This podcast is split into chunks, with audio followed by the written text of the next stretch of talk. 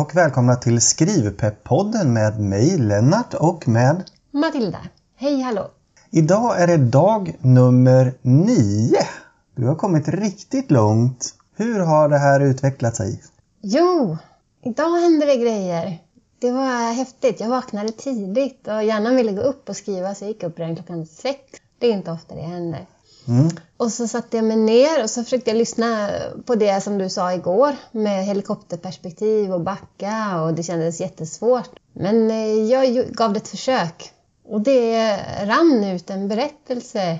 Jättehäftigt. Jag använde den här Askungetanken och men det var inte en prins som ville ha utan det var ett det var en nytt om, umgänge och det var inga elaka styvsystrar men det var en manipulerande väninna istället. Mm. Ja, så det var roligt. Och en stor sak var, medans jag skrev, så vid ett tillfälle så tyckte jag så synd om huvudpersonen så jag började gråta.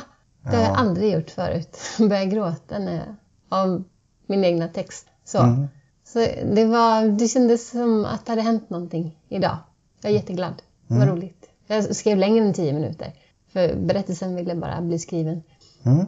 Ja, jättebra. Det, det, är lite, det är mycket att bena i här. Vi, dels har vi det här genombrottet. Och sen så har vi hur berättelsen utvecklades. Och sen så har vi det här med att du ville skriva längre. Om, vi, om vi tar det först då. Så det är helt okej om man vill skriva längre. Så länge det inte blir ett tvång.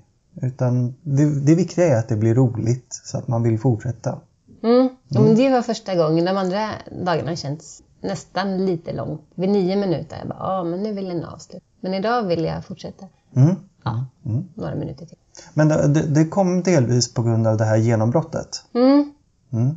Och då, då är det viktigt att tänka på att för de som lyssnar här att, att alla får inte sina genombrott samtidigt. Utan om du har fått det tidigare eller senare så är det precis lika normalt eller precis lika väntat. Och det här är väldigt personligt. När det, antingen när det klickar eller när, när det är någonting som gör att man känner att det är det här man ska hålla på med. Men för dig händer det idag och det är en häftig sak när det väl händer. Mm. Dag nio alltså. Så det måste inte vara dag nio. Nej, nej det måste inte vara dag nio. Men, men det, det pekar lite framåt här nu också. Med berättelsen, i hur berättelsen har utvecklats. Mm. Ja, men det var ju verkligen roligt att, att, att backa lite som du sa. Och inte bara vara kvar i, i situationen. Utan Mm. bara kolla vad händer sen när hon har förändrats. Och, och sen då? Och sen? Ja, Ja, och utmana henne lite. Fast bara väldigt, väldigt översiktligt. ja, Så det är ju något slags skelett. ja, ja, ja, ja verkligen. Ja, men det, det är så de flesta brukar skriva. Att man, man börjar med skelettet och sen bygger man på ganska mycket sen. Så man har någon aning om eh, vad målet är någonstans. Jag brukar jämföra lite grann med Ehm, om man spelar golf. Nu gör inte jag det, men, men om man spelar golf så brukar det finnas en flagga i hålet så att man vet var någonstans det är på liksom åt vilken riktning. Sen finjusteringen, det får man göra sen när man kommer längre fram. Men det var jättebra för jag tänkte på det här. Din berättelse den har gått ifrån att vara en situation som du beskriver och du, du vill beskriva den jätteväl till att titta på förändringen och sen nu också på det som hände efter förändringen. Och det är där i, i det jag har läst som det häftiga händer. När, när du kommer till det som är efteråt. Och det beror på att det är där konflikten finns. Och konflikt är någonting som vi inte riktigt har diskuterat än så länge. Men konflikt är det viktiga inom all, allt dramatiskt skrivande. Att det behöver finnas en konflikt mellan två eller flera kontrahenter här. Och det finns ett par olika typer av konflikter och jag, jag tänkte bara nämna sex stycken. Du har valt att gå från en situation som förvandlas till ett dilemma. Det vill säga att en person får välja mellan två olika saker. Men det finns fem andra som jag tänkte ta upp här. En av dem är att en person har ett mål och stöter på ett hinder. Och sen så får man se hur personen hanterar det här hindret. En annan typ av konflikt är en person som utsätts för någon form av attack utifrån. I det här fallet så blir personen då lite mindre aktiv på det sättet att den skapar saker utan den försöker behålla så som det är. En eh, fjärde form av konflikt är mysteriet. Där personen försöker ta reda på någonting men exakt vad svaret är, det är det som är den stora frågan i den typen av berättelse. Sen finns det också missförstånd. Där man har någonting som man tror att det är på ett sätt men i själva verket finns det en, en annan sanning bakom där någonstans. Och sen så till slut då konkurrens. Där två olika parter tävlar om samma sak.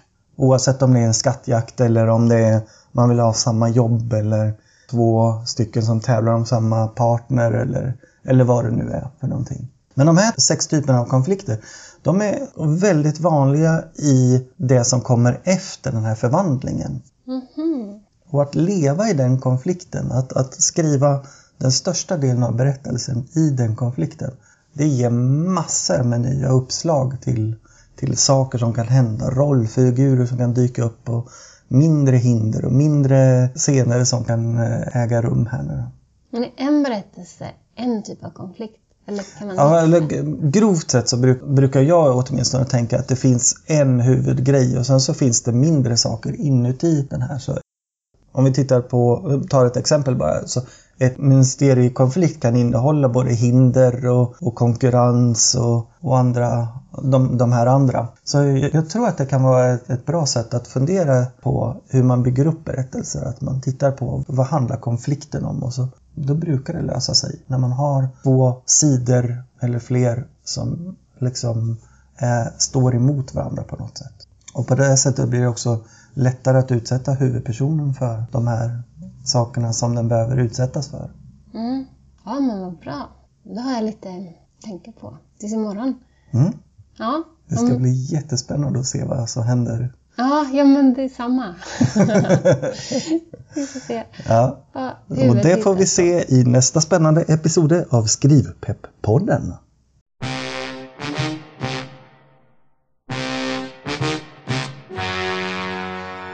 Den här podden blir mycket bättre om du som lyssnare hjälper till. Har du några frågor, skicka dem till lennart elementx.se eller kolla in på Skrivpepp-poddens Facebook-sida.